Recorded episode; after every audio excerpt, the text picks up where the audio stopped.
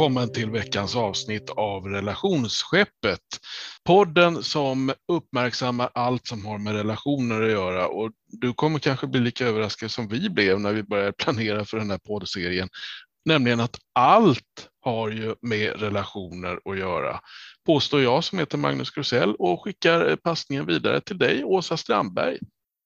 Ja, det, det är ju så med oss människor att vi är ju vi finns ju till i våra egna kroppar och själar och medvetanden, men det mesta, andra, det mesta annat i livet har ju med andra människor att göra. Och eh, vi står oss ganska slätt utan våra medmänniskor, våra nära och kära i alla fall.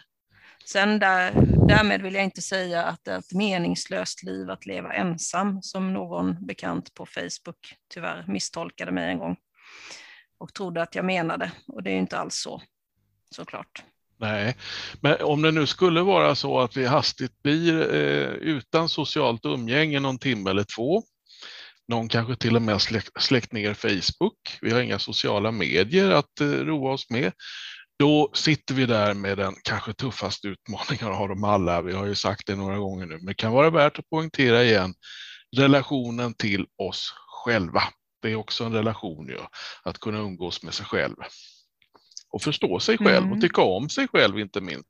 Ja, Bruce Springsteen har en textrad om det där att det är en, en mycket sorglig figur, den som inte kan stå ut med sitt eget sällskap. Nej, och det, som sagt, det var ju det vi ägnade hela förra podden åt. Eh, vi pratade om självkänsla, om konsten att eh, förstå, acceptera, till och med tycka om sig själv, hur viktigt det är. Men vad vi kanske inte kom in på så mycket är eh, vad som händer om vi inte gör det, alltså om vi inte accepterar, förstår och tycker om oss själva. Eh, det kan få eh, rätt tuffa konsekvenser att hantera det här med självkänslan. Jag vill påstå att det är en del utav, jag ska inte säga all, men väldigt mycket psykisk problematik till exempel, dåligt psykiskt mående, har en dimension av självkänsla i sig. Det kanske är som eh, Hjalmar Söderberg sammanfattade det så bra genom Dr. Glas ord i, i den välbekanta romanen. Man vill bli älskad, i brist därpå beundrad, i brist därpå fruktad, i brist därpå avskydd och föraktad.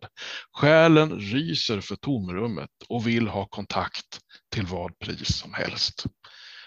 Nu önskar jag ju att jag hade haft Torsten Flink här som skulle kunna citera det ännu mer än jag gjorde, men, eller bättre än jag gjorde. Men ja, jag tycker att det är en väldigt bra sammanfattning i varje fall av självkänsla. Behovet av att bli älskad, både i sina egna och i andras ögon. Ja, jag, jag har ett favoritord och det är egenmakt. Jag tror att man har svårt att känna egenmakt, det vill säga en känsla av att man förstår och kan påverka sitt liv och sin skeenden runt omkring sig.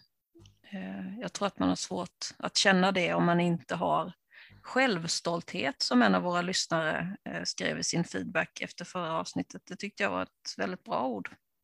Ta det igen får vi smaka på det. Vad sa du nu? Självstolthet. Självstolthet tänker en eller annan. Stolt över mig själv. Nej men gud, det får man väl inte vara. Nej men hur, vad ska folk säga om jag påstår att jag är stolt över mig själv? Har det, har det stigit honom mot huvudet nu den där Krusell? Nu sitter han i podden och säger att han är stolt över sig själv. Och då är det den här lille, lille gnölen eller inre sensorn som vi pratade om förra gången. Det har jag också fått flera reaktioner på. Det här, den här rösten som eh, hela tiden intalar oss att vi inte duger. Och den, den rösten den kommer finnas där även om du kommer en bra bit på vägen med självkänslan. Den är envis vill jag säga och den dyker upp i alla möjliga och omöjliga situationer. Det sägs ju att det allra värsta som en människa kan utsätta sig för är att tala inför andra människor, att hålla ett föredrag som det hette i skolan. Och vad är det som är så farligt med det? Man kan fråga sig, vad är det värsta som kan hända? Ja, jag tror att det är den där lilla rösten då, eller lilla gnölen eller sensorn som sitter och tjatar i örat. Försök att ta koll på den så gott du kan. Lycka till. Berätta gärna för oss hur det går. Då vill jag säga som eh, Katla, eh, som är en av Olof Wretlings karaktärer i, i eh, teatergruppen Klungan. Om man inte har sett honom så, så kan man googla fram honom och kolla på Youtube. Men Katla säger att ett, ett klavertramp om dagen är bra för magen. Ja. Det tycker jag är ganska roligt. Ibland kan man faktiskt eh, tjäna på att eh, på något sätt utsätta sig också. För att så länge man inte utsätter sig och sig själv för några prövningar så, så har man svårt att hantera motgångar. Eh, ibland är det liksom, eller för det mesta är ju den enda vägen förbi någonting är ju rakt igenom. Och det som, finns ju många klichéer när det gäller det här. Man skulle kunna dra till med, med, med en som kanske låter som en kliché, men som jag inte tycker är det ändå. Hellre att jag ångrar det jag gjorde än det jag inte gjorde såklart inom rimlighetens gränser. Nu, nu, pratar vi om att hålla sig inom lagens eh, råmärken och så vidare här, men att pröva att testa sin kapacitet Eh, eller det man vill göra, det man brinner för, det man tycker är viktigt. Vad, återigen, ställ frågan till dig själv. Vad är det värsta som kan hända? Det värsta är sällan så, så, så hemskt som vi tror.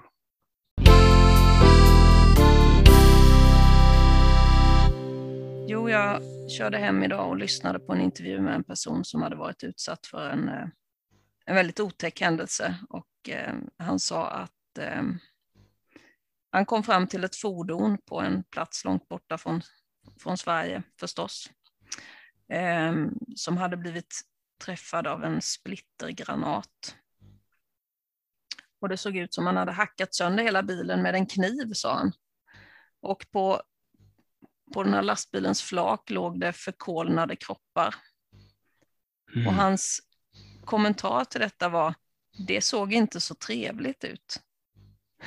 Och då tänkte jag på det här som vi pratade om eh, förra veckan, att man, man, man lägger in något litet nog och jag är väl ganska eh, glad och ganska nöjd och ganska, har det ganska bra. Och han tyckte det var lite otäckt, ganska obehagligt att se de där döda kropparna. Jag tyckte det gav lite, det gav lite perspektiv på mina brasklappar angående mitt självförtroende. Ja, kanske det gjorde. Vi, det, orden är viktiga, språket är jätteviktigt för självkänslan, som, om vi ska komma in på det igen. Det här som man säger när man kommer in i en affär och blir överfallen av expediten. Expediten frågar så här, jaha, kan jag hjälpa till med någonting? Vad svarar man då? Jo, det man säger är att ja, jag kikar runt lite bara. Alltså kika mm. runt lite bara. Det är precis som, ja, jag vill be om ursäkt för att jag är i den här affären. Det var inte meningen att störa, men jag ska snart gå. Jag ska bara kika lite. Jag ska bara titta på ett junk här och se om det är något av skiten jag kan tänka mig att lägga pengarna på. Ja.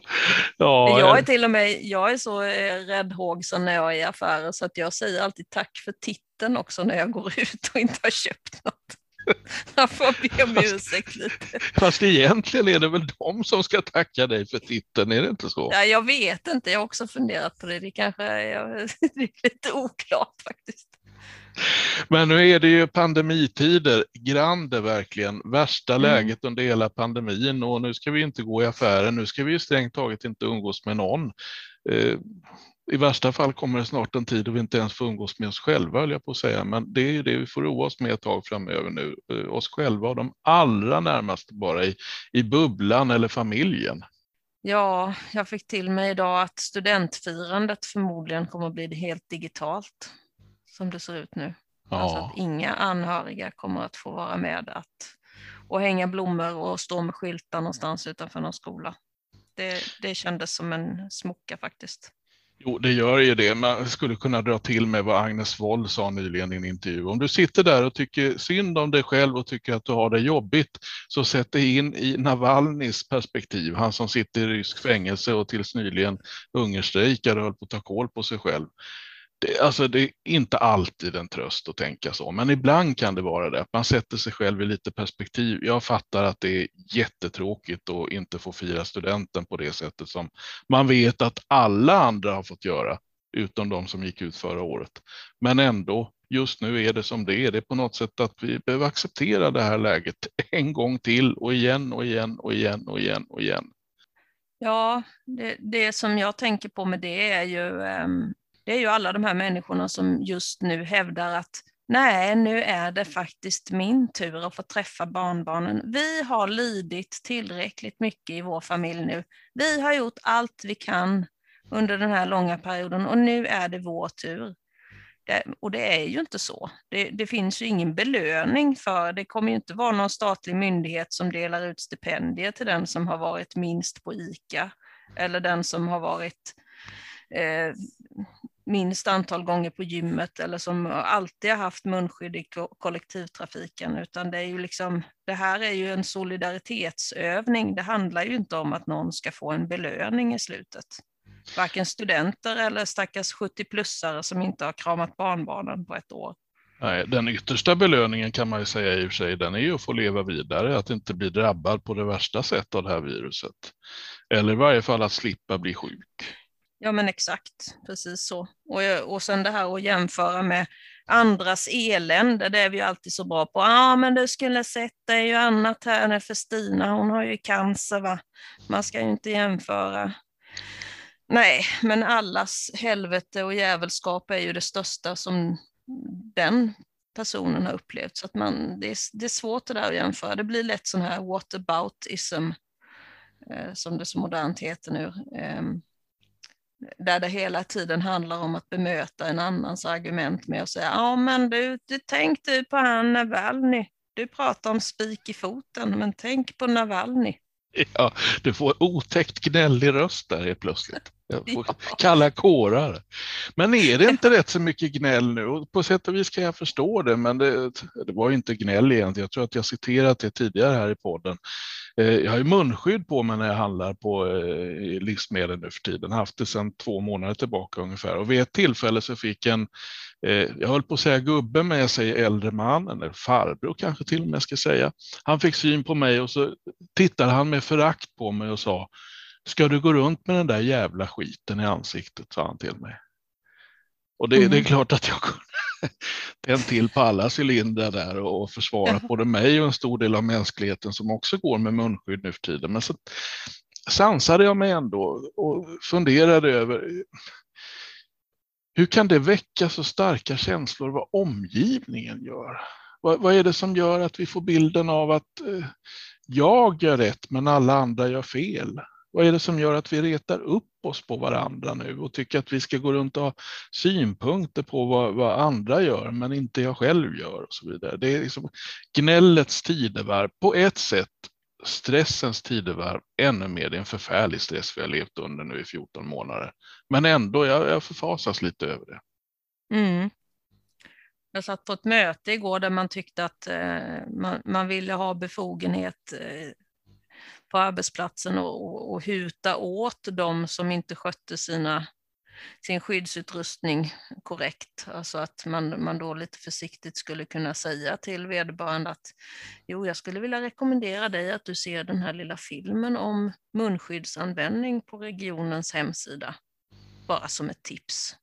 Skulle man säga då i all vänlighet eh, till någon och då kände jag att nej, men alltså ja. det, det, blir ju jättesvårt.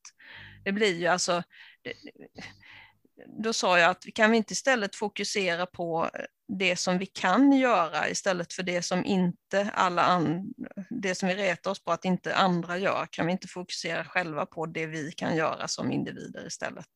Mm. För det blir ju så meningslöst. Ja, eh, de här människorna som vägrar ta AstraZenecas vaccin mot mm, restriktionerna Don't då ska vi säga. Nej, precis. Alltså det, det, är ju, det är ju, lynchstämning är ju milt uttryckt ja. på sociala medier. De människorna blir ju fullständigt totalsågade, hånade och förnedrade på alla mm. vis. Och jag måste säga, även om jag inte håller med om ställningstagandet i sig, jag är beredd att ta vilket vaccin som helst tror jag, inklusive Sputnik för att komma ur det här eländet. Men ändå, jag, jag, jag, kan känna respekt för att man på ett tydligt sätt bestämmer sig för någonting. Jag har en Facebook-vän som gick ut med en väldigt tydlig deklaration häromdagen. Hon skrev att hon har landat i att hon inte kommer ta AstraZenecas vaccin. Hon kommer anmäla sig till vaccineringen gång på gång på gång och få gå hem då, eh, för man får ju inte välja. Och så hon går tillbaka till hon till sist slipper det här vaccinet och så berättar hon lite grann om varför hon hon inte eh, vill ha det och så där. Jag har full respekt för hennes mycket tydliga ställningstagande, även om jag inte själv håller med henne om det. Vi behöver inte vara överens om allting, men vi kan ändå känna respekt för varandra tycker jag, de val vi gör i den här svåra tiden. Ja, för allting är ju så nytt och allting är så oväntat och allting är så bottenlöst osäkert på alla sätt. Så att ja, och, och återigen det här vad folk då kan göra och ta beslut om i sin rädsla. För det här är ju bara tecken på rädsla. I många fall, nu säger jag inte att det var så med din vän och det eh, runt AstraZeneca, just, inte just det, men, men att man är missinformerad, att man inte vet fakta, man har inte läst på tillräckligt själv, eller man har inte fått korrekt information från vården, utan man har blivit rädd, man har vevat igång sig själv eh, på något sätt som liksom inte egentligen kanske till viss del är försvarbart, men, mm. men att det, det är så mycket konstigt människor gör när de är rädda. Det är ju det. Om jag sa å andra sidan nyss, jag tror att jag sa det, så får jag säga å tredje sidan nu då.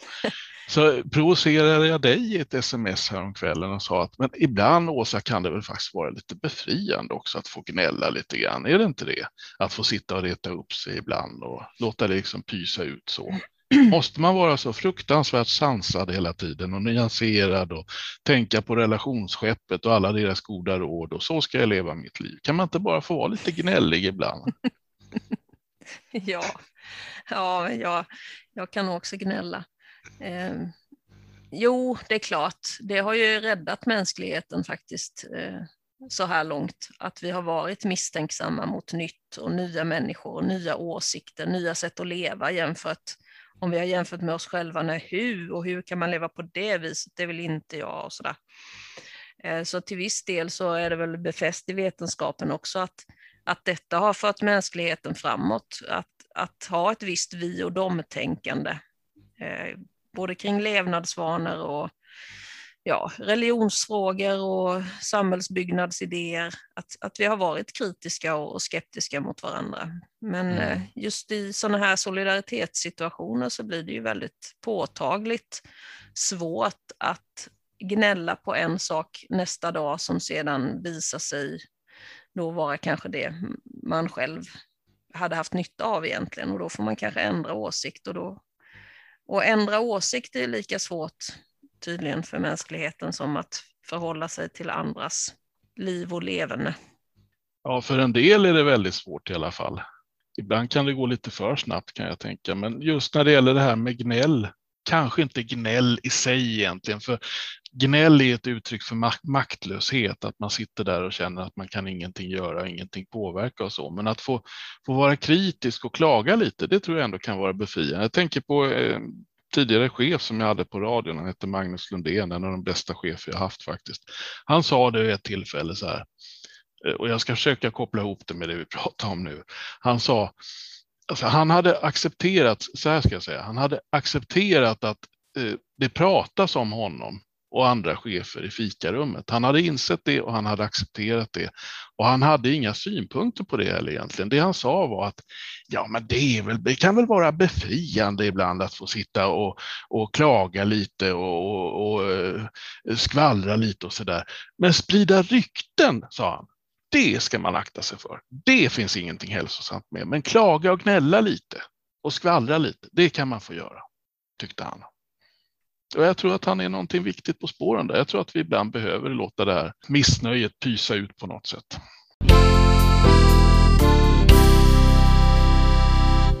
Att skvallra om andra är också ett socialt kitt. Det funkar ju så att binda människor tillsammans i grupper är ju att hålla på den saken som vi tror på då. Precis som det här att, att vara rädd för en annan grupp så att vi hänger ihop här och tror på våran idé och vårt sätt att leva, våra matvanor eller våra träningsvanor eller våran gud eller vad det nu är. Det binder ju människor eh, samman, så såklart vi har ju som människor, som, som djuret människa, en, ett väldigt behov av att prata om andra och prata om skeenden och gadda ihop oss och gadda ihop oss emot och gadda ihop oss för saker. Så är det, så funkar vi. Ja, vi gör ju det, men för att koppla till självkänsla igen, och det håller på att bli ett nyckelbegrepp i den här podden skulle jag säga. Vad gör det med självkänslan att vi måste leva så här eh, under så lång tid som vi har gjort nu, 14 månader? Är det inte risk att det blir det som Dr. Glas var inne på, att det blir ett tomrum? Att själen ry, ryser för det här tomrummet som uppstår när vi inte har så många andra människor runt oss och inte så många att spegla oss med och ha roligt tillsammans med och umgås med och mm. prata med och så vidare. Finns det inte en stor risk att det här kommer leda till en ännu värre, ska vi säga, psykisk pandemi så småningom? När den viruspandemin är över så då, då kommer effekterna av pandemin och att de kanske till och med blir värre. Det talar man väl om redan nu att den psykiska ohälsan har, den blomstrar ju just nu och eh, tyvärr väldigt mycket bland barn och ungdomar som inte är i sitt vanliga sociala sammanhang, det vill säga i skolan. Och på sina helgjobb och sådär, där man kanske har levt och, och, haft sitt umgänge utan att man blir låst hemma. Så den, den, den tror jag, den pandemin är nog redan över oss. Och hur vi sen då ska starta igång med någon slags normal tillvaro utifrån det som vi kallade normalt innan. Eller om vi på något sätt på sikt också behöver acceptera att vissa saker aldrig kommer att komma tillbaka som de var förut.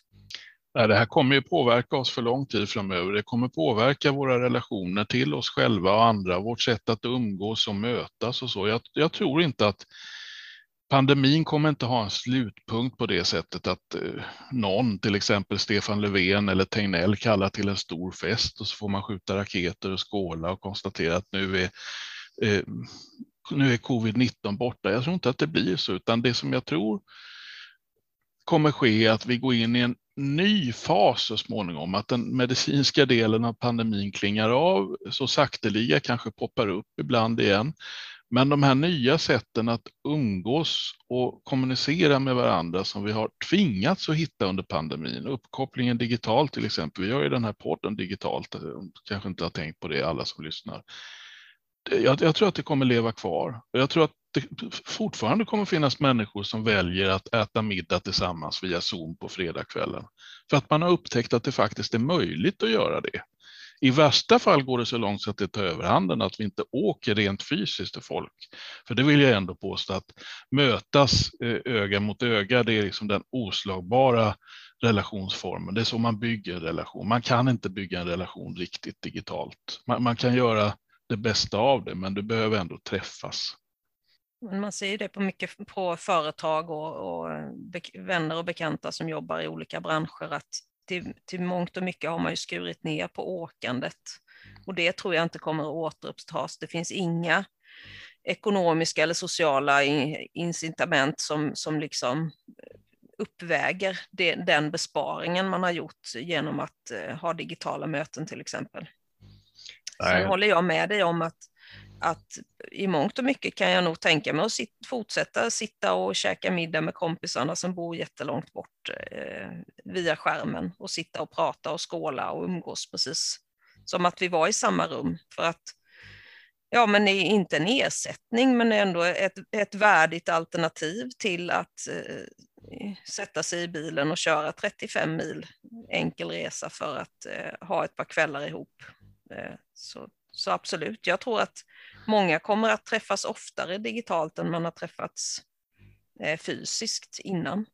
Och du, tycker att det känns rätt okej. Okay. Jag skulle ändå vilja göra en fråga av det och höra lite grann vad vi har för svar ändå. Mister vi någonting eh, omistligt genom att leva på det sättet? Är, är det att beklaga att vi inte flyger till Stockholm för ett, ett halvdagsmöte i framtiden som vi gjorde så sent som bara för ett och ett halvt år sedan? Tappar vi någonting på vägen genom att träffa färre människor rent fysiskt? Jag vill ju ta den frågan till ett större perspektiv, alltså om man tänker för planeten och för mänskligheten i stort så är det väl bara av godo att så många flygplan och så många bilar som möjligt står stilla och så många jättestora fartyg med skitgrejer från eh, låglöneländer, att de står vid kajen. Det gör inte mig ett, ett endaste dugg faktiskt. Sen tycker jag fruktansvärt synd om de människorna som är ensamma på riktigt, som inte kan gå till jobbet. för att de är gamla eller för att de är skröpliga på något sätt eller måste jobba hemifrån och bli helt isolerade. Eh, det, det, säger jag ingenting om, för det är ju helt fruktansvärt att, att man inte har kunnat vara hos sina gamla och hälsa på till exempel. Ehm, men... De miljömässiga aspekterna på, här, på det här, det, de är ju så glasklara. Tillfälligt lägger de åt sidan och bara fokuserar på den relationella delen av, av, av det bristande eller nästan obefintliga sociala umgänget. Eh, jag tänker ofta på det, myndigheternas direktiv är att man ska umgås bara inom familjen, heter det ju. Men det är inte alla som har en familj att umgås med. Och då finns det en liten brasklapp. Om du lever ensam så kan du, le så kan du träffa en eller två personer som står dig nära, förutsatt att inte de har ett socialt liv utanför dig. Det, alltså pandemin slår väldigt, väldigt hårt mot de som lever ensamma. Jag är i och för sig en av dem, men jag klarar mig bra ändå för att jag har så mycket sociala kontakter på andra sätt. Men, men äldre, eh, sjuka, mm. ja, människor som av olika skäl är begränsade i, i sitt sociala liv. Kanske har förlorat många närstående, kanske har förlorat de viktigaste personerna under pandemin, vad vet jag. Det är återigen konsekvenserna, de relationella konsekvenserna och psykiska konsekvenserna av pandemin. Jag tror att de kommer bli värre än själva pandemin, eller befarar att det kommer bli så. Ja, till mångt och mycket är det nog så, liksom just som du säger med, jag, jag, tänker på dem som kanske redan innan det här led av psykisk ohälsa och eh, sociala fobier och rädsla för bakterier och rädsla för sjukvården eller rädslan att bli fast i en kö på ICA. Eh, jag menar, det, det finns ju väldigt mycket i det som är fruktansvärd tragik i det här. Jag har inte sett faktiskt någon ehm, någon statistik på eh, suicid till exempel, hur, hur det ser ut. Men, eh, och det kanske är för tidigt att säga någonting om det. Ja. Men tyvärr så tror jag att det kan bli påverkan även på sådana siffror. Ja, det, det, kan bli det. En, en liten brasklapp här. Nu kommer jag att tänka på Robert Gustafsson komikern, Sveriges främste komiker som ju fick covid-19 förra våren och var väldigt sjuk under lång tid. Han har ju tidigare berättat väldigt öppet om sin, öppet om sin ångest, sin panikångest och sin hälsoångest, alltså sin hypokondri som det hette förr. Men han berättade ju det i vilket tv-program det nu var, om det var Renés brygga eller någonting sånt, att under själva sjukdomstiden så var han inte rädd. Då var han rationellt fokuserad på att göra vad han behövde göra för att överleva. Och det är ju så ångest fungerar. Ångest handlar egentligen om det som inte finns, alltså det, det, som bara finns i tanken, där du föreställer dig att någonting kommer hända, fast du egentligen inte har några, något fog för att det kommer att hända. Och risken då efter pandemin sen är att en massa tankar, en massa erfarenheter, en massa bilder från pandemin dyker upp och kanske får oss att tro att snart kommer det en ny pandemi och du ska veta att kvällstidningarna kommer ju vara på hugget där och direkt blåsa upp minsta lilla virusutbrott någonstans i världen. Dags för en ny pandemi. Och då blir ju det här hotet mer fiktivt, alltså att det inte är rejält förankrat. Det händer inte egentligen. Men I våra skallar, i våra själar så får vi känslan av att det håller på att hända. Och det är ju det som är ångest. Så att, ja, om inte ångesten redan har fått ett påslag så kommer den, finns det uppenbar risk att den kommer få det efter pandemin. Det är väl lite som det här sjukdomsbeskedet, eller att man får ett sjukdomsbesked och sen så frisknar man till och sen så kommer sjukdomen tillbaka. Det är lite samma typ av, fast det blir en samhällsångest av det istället. Ja, ja jag tror väl kanske att eh, åtminstone till en början, om, om inte det tar fart med någon, någon ny smitta eller det, det muterar och det blir någon, någon annan variant av corona som kommer att spridas på något sätt, så, så tror jag att eh, människans minne är ganska kort. Vi kommer ganska snart att återgå till eh, det som vi tyckte var det normala innan. Du, du tror det ändå, till, till, till, största delen kommer vi återgå ändå. Det är din spaning här. Nu ligger vi lite utanför vad relationsskeppet ägnar sig åt, men ändå. Min spaning är väl att det kommer ta oerhört lång tid innan vi står 36 eh, 000 på Sweden Rock igen. Eller vi står 50 000 på Ullevi och tittar på Bruce, Bruce Springsteen. Det, det tror jag är väldigt långt borta. Men eh, de här mindre sammankomsterna som kanske rör en 5-6 tusen, eh, de kommer vi kanske få tillbaka. Men det kommer att dröja. Det tror jag. Ja, ja och min spaning är att man kanske hittar en lösning där med, med så här vaccinationspass, covidpass, att man släpper in 50 000 som är vaccinerade och som man dessutom har tagit febern på vid entrén. Kanske till och med gjort ett snabbtest på. Så att eh, ja. människan är ju fantastiskt påhittig och kommer säkert hitta, hitta vägar att försöka i varje fall kringgå eh, viruset. Ja, och då blir det ju, ja, nu är vi på helt fel spår här, men blir, då blir det ju också en sån här, um, då kommer det att bli en klassfråga vilka som, vilka som överhuvudtaget kan lämna landet och vilka som överhuvudtaget kan köpa en konsertbiljett eller en flygplansbiljett eller någonting. Då är det den som har stått först i vaccinkön som kan resa först också. Det är problematiskt tycker jag ur ett helt annat perspektiv än relationsperspektivet. Där är det relationerna med vårt, på, på det större planet, det som kallas samhället, som blir problematiskt.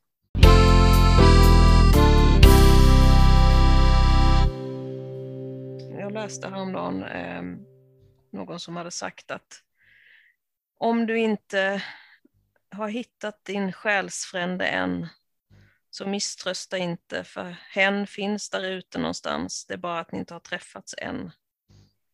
Och när jag läser sånt så tycker jag väldigt synd om de som faktiskt inte har träffat någon och som känner sig väldigt ensamma och kanske hopplöst eh, har letat och inte hittat någon att leva med och kanske inte har några barn och knappt en liten katt. Och sen så kommer den här kängan då, du har inte letat tillräckligt bra eller du har varit i fel sammanhang, men väntar du bara så ska du se. Tror du att den där personen finns där ute för alla?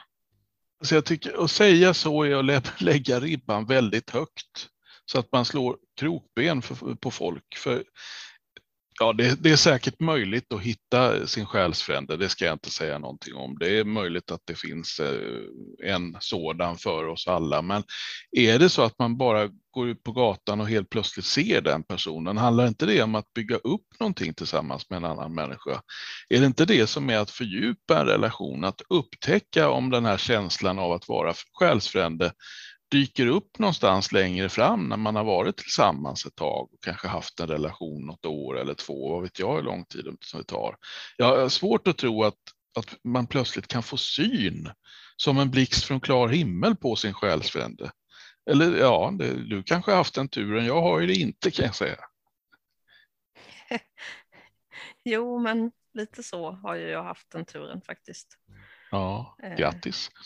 Eh, ja, ja, och det, är ju, ja, och ja, och det blir ju lite fantastiskt och magiskt och, och med en väldigt stor känsla av att ja men vad fan har du varit så länge, varför kunde vi inte bara få träffas direkt så att vi hade sluppit snurra till det med en massa andra relationer och, och ja men du vet sådär som man tänker att man har missat en massa tillsammans, men så behöver det inte heller vara.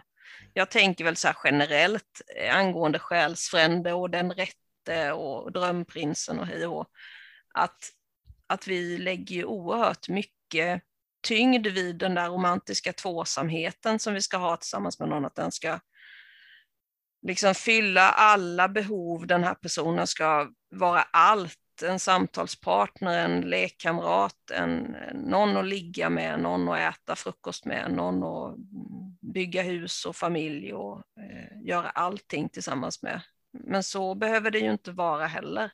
Att eh, den rätte kan ju bestå av ganska många personer om man tänker att man delar upp allt det där på, på ett gäng vänner till exempel. Eh, så, så kan det ju vara eh, många som är den rätte. Mm. Och det kan skifta genom livet. Jag ska sticka ut min för dagen något skäggiga haka och påstå följande. Att jag är inte intresserad av att hitta den där själsfränden. I varje fall inte om hon är en himlastormande förälskelse som kommer att invadera hela mig, annektera hela mig och få mig att inte tänka på någonting annat än just henne under en period, för att då är risken uppenbar att den här passionen, himlastormande förälskelsen i min själsfrände kommer göra så att jag börjar fatta dåliga beslut över mitt liv. Jag, jag, vill nog hitta en annan väg till min själsfrände om hon finns där någonstans. Jag vill nog hitta någonting som jag växer in i under längre tid och bygger upp ett själsfrändskap med någon. Jag vill inte påstå att det är eh, det rätta för alla, men eh, så är ju min relation som jag lever i nu. Att det är verkligen en, en vänskap som blev någonting annat, som blev, som blev omöjlig att ha kvar som bara vänskap, just för att det fanns, det fanns ju hela tiden mer. Det fanns hela tiden mer som jag ville ha och leva med. Liksom jag, jag håller med dig där. Jag vill inte, jag vill inte ha de där smockorna. Det, det, liksom, det har man provat och det gick ofta det gick så sådär bra. kan vi säga. Det gick sådär. Under en period var det fantastiskt så länge det fanns vin i flaskan, höll på att säga. Det låter som man är alkoholist när man säger så. Ja, men, men lite så. Ja, alltså så länge det var sött bröd och honung så var det fantastiskt. Men i alla relationer så kommer det ju en vardag också så småningom. Och, och att vara själsfrände är ju också att eh, att kunna hantera och älska varandra en tisdag i november när det är tandläkarväder och högen av räkningar är större än den någonsin har varit och barnen skriker och allt vad det nu kan vara. Mm. Och det, det, det, det, blir ju någonting större också som, som gör kanske att passionen är väldigt fixerad vid energier och dofter och utseenden och kanske det här liksom att man oj, man ser ett vackert ansikte eller man ser en, en ja, vad det nu, någon mytologisk bild av eh, kärleken, att man får den serverad eller springer på den. Men det är som du säger, det, det är så mycket annat som ska, eh, som ska funka och man ska tolerera och man ska leva med. Så eh, nej, jag, jag tror inte på jag, jag, tror inte på passionen längre. Den passar Nej. i alla fall inte mig. Och det finns säkert andra som kan leva i sådana här eh, hejdundrandes eh, ja, vulkanutbrott hela tiden. Men jag tycker det verkar så stökigt. Relationen med slags ständigt pågående sex på diskbänken ungefär. Det är lite den bilden de målar upp. Ja, och då, då blir jag lite så här, nej men det här blir ju äckligt till slut. och ohygieniskt. Ja, jag tänker att kan det, kan det istället vara så att, att vara själsfränder är att eh, också inte kunna, att, att man inte är själsfrände, alltså att man, att man blir själsfrände för att man också har olikheter och, och, egenheter och sidor som man egentligen inte tycker så mycket om, men som man ändå kan ha överseende med därför att man har någonting annat tillsammans som är större. Men att man alltid återvänder till den här personen med någon slags eh, tillit och samhörighet och, och glädje. Och det, ja, det får ju mig att fundera över nu att om, om jag har en själsfrände så kanske det är en person som, som jag har mött någon gång i livet men som jag av något skäl har bestämt mig för att inte närma mig eller bli lite intresserad av. Jag, det kanske är därför jag har missat. Nu låter det som relationsskeppet är sponsrat av Tinder den här veckan. Det, det är vi alltså inte. Nej. Men det är intressant det här vad det är som för två människor samman. Det kan ju vara eh, känslan av att vi är själsfränder. Det kan ju också vara känslan av att här har vi en himlastormande passion. Då är the KK of the century, nu kör vi. Det kan också vara känslan av att ah, där står den person som jag vill se som förälder till mitt barn och så ser man någonting sånt framför sig. Så en relation kan ju börja av så oerhört många närmast outgrundliga skäl. Mm. Jag fick lite perspektiv på det nu när mina barn blev så stora att de började träffa pojk och flickvänner. Eh, att jag har väl alltid haft någon sån där bild av att eh, blir man kär då känner man det och man vet att det här är en person för mig. Och, eh, men mina barn på något sätt trädde an den här uppgiften med ett helt annat fokus än vad jag själv var liksom Jaha. på något sätt tänkt mig in i. Eh, Vilket det, fokus var det då? Nej, det var väldigt, det har varit väldigt lågmält och sen eh, ja, det har liksom verkligen inte varit det här. Och det är väl en generationsfråga med. Jag tror att där tillhör ju du och jag samma generation. Det här med att det var väldigt mycket eh, träffas och smyga och bråkas med och ja, men, det här retas och, och greja. Eh, och mycket fokus på att man skulle ligga tidigt och det var väldigt intressant och det, folk tävlade vem som hade varit först i säng med någon och sådär. Och, och, och hur många. Och det är ju inte, i alla fall inte de kretsarna där mina ungdomar umgåtts, så har ju, så har det varit en icke-fråga.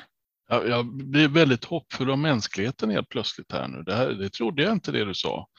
Ja, det, det, du säger nu är egentligen att fixeringen vid och fokuseringen på utseende och, och hoppa i säng och allting sånt, det håller på att klinga av till förmån för någonting större då. Eh, har jag tolkat det rätt om, om jag sammanfattar det så?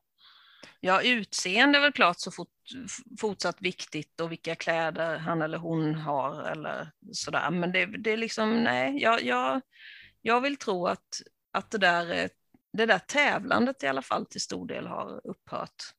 Och jag, jag gillar det. Jag gillar det där sättet som de har liksom tagit sig an den delen av vuxenlivet. Att det har inte varit någon brådska och det har inte varit någon panik med att man ska ut i svängen och, och sådär. Jag hörde någon på radion som sa häromdagen att eh, hennes farmor hade alltid frågat henne om hon, du är väl ute och dansar?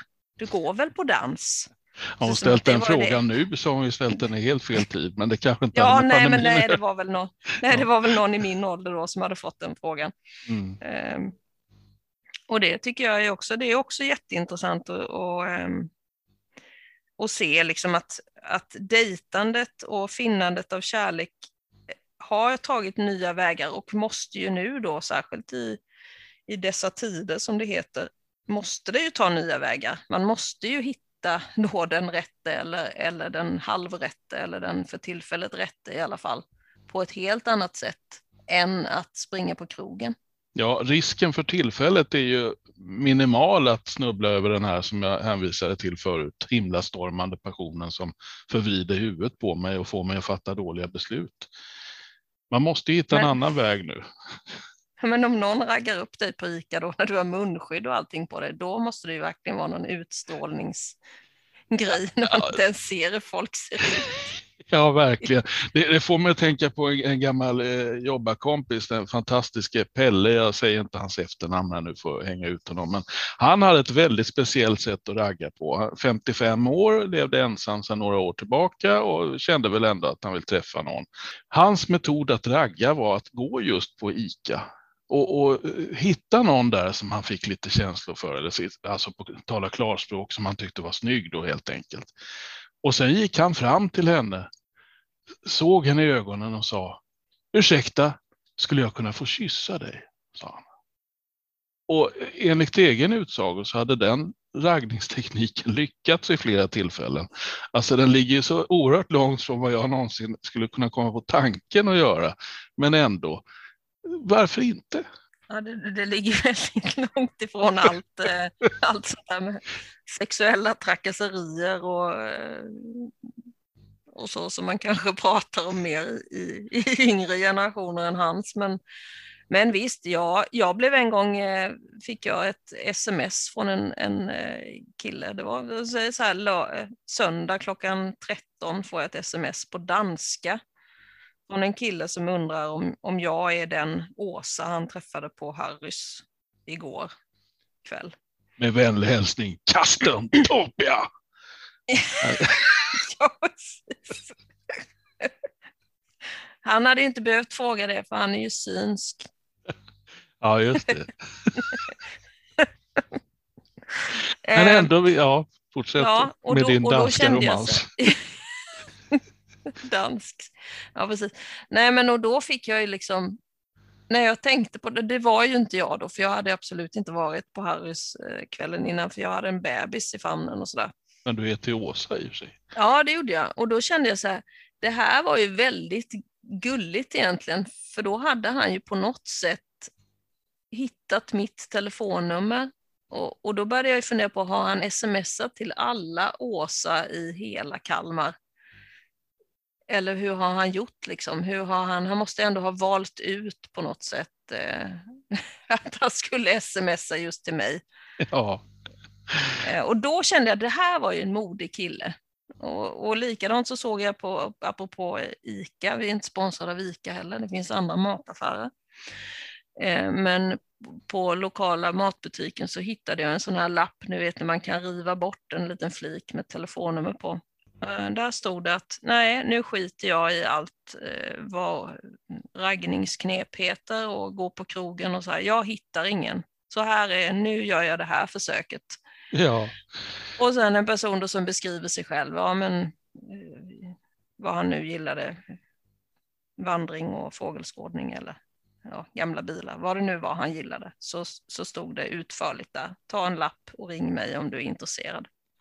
Du tog din egen Tinderlista där tror jag. Raggning, fågelskådning och gamla bilar eller vad du sa. Raggning, ja precis. Jag är jätteintresserad av det.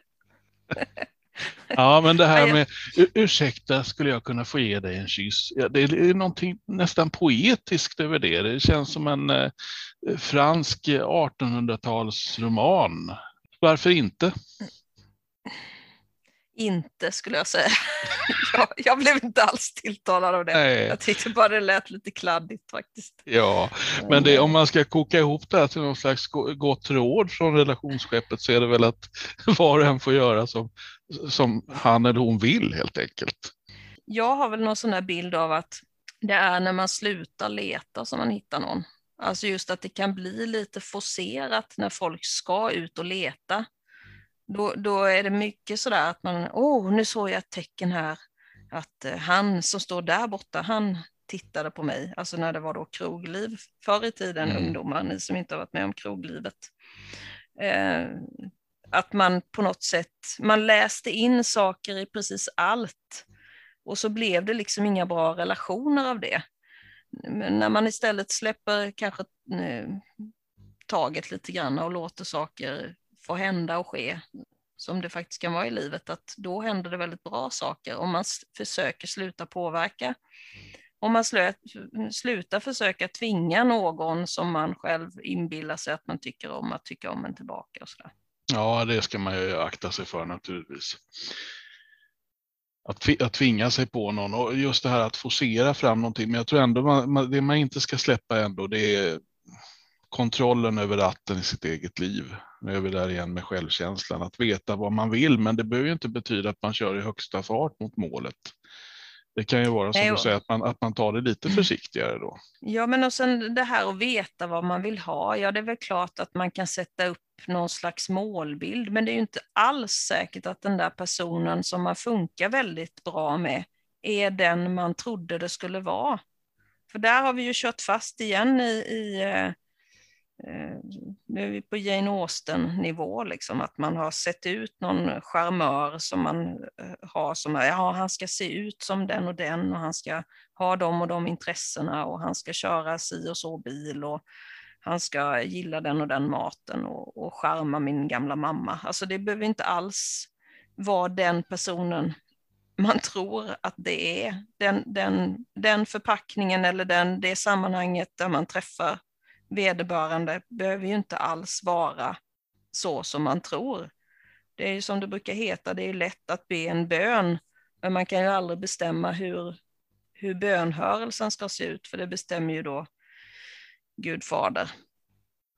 Eller vem man nu, vad man nu tror på. Det får bli de kloka slutorden, tänker jag, den här veckan från relationsskeppet som eh, ju givetvis är tillbaka med ett nytt avsnitt om någon vecka. Följ oss på sociala medier. Dela oss gärna så att fler får ta del av detta och kommentera gärna. Nu kan du också skicka mejl till oss. Vi sa i förra avsnittet att vi skulle skaffa en mejladress och vips, det gjorde vi. Hur lyder mm. den? Relationsskeppet snabel gmail.com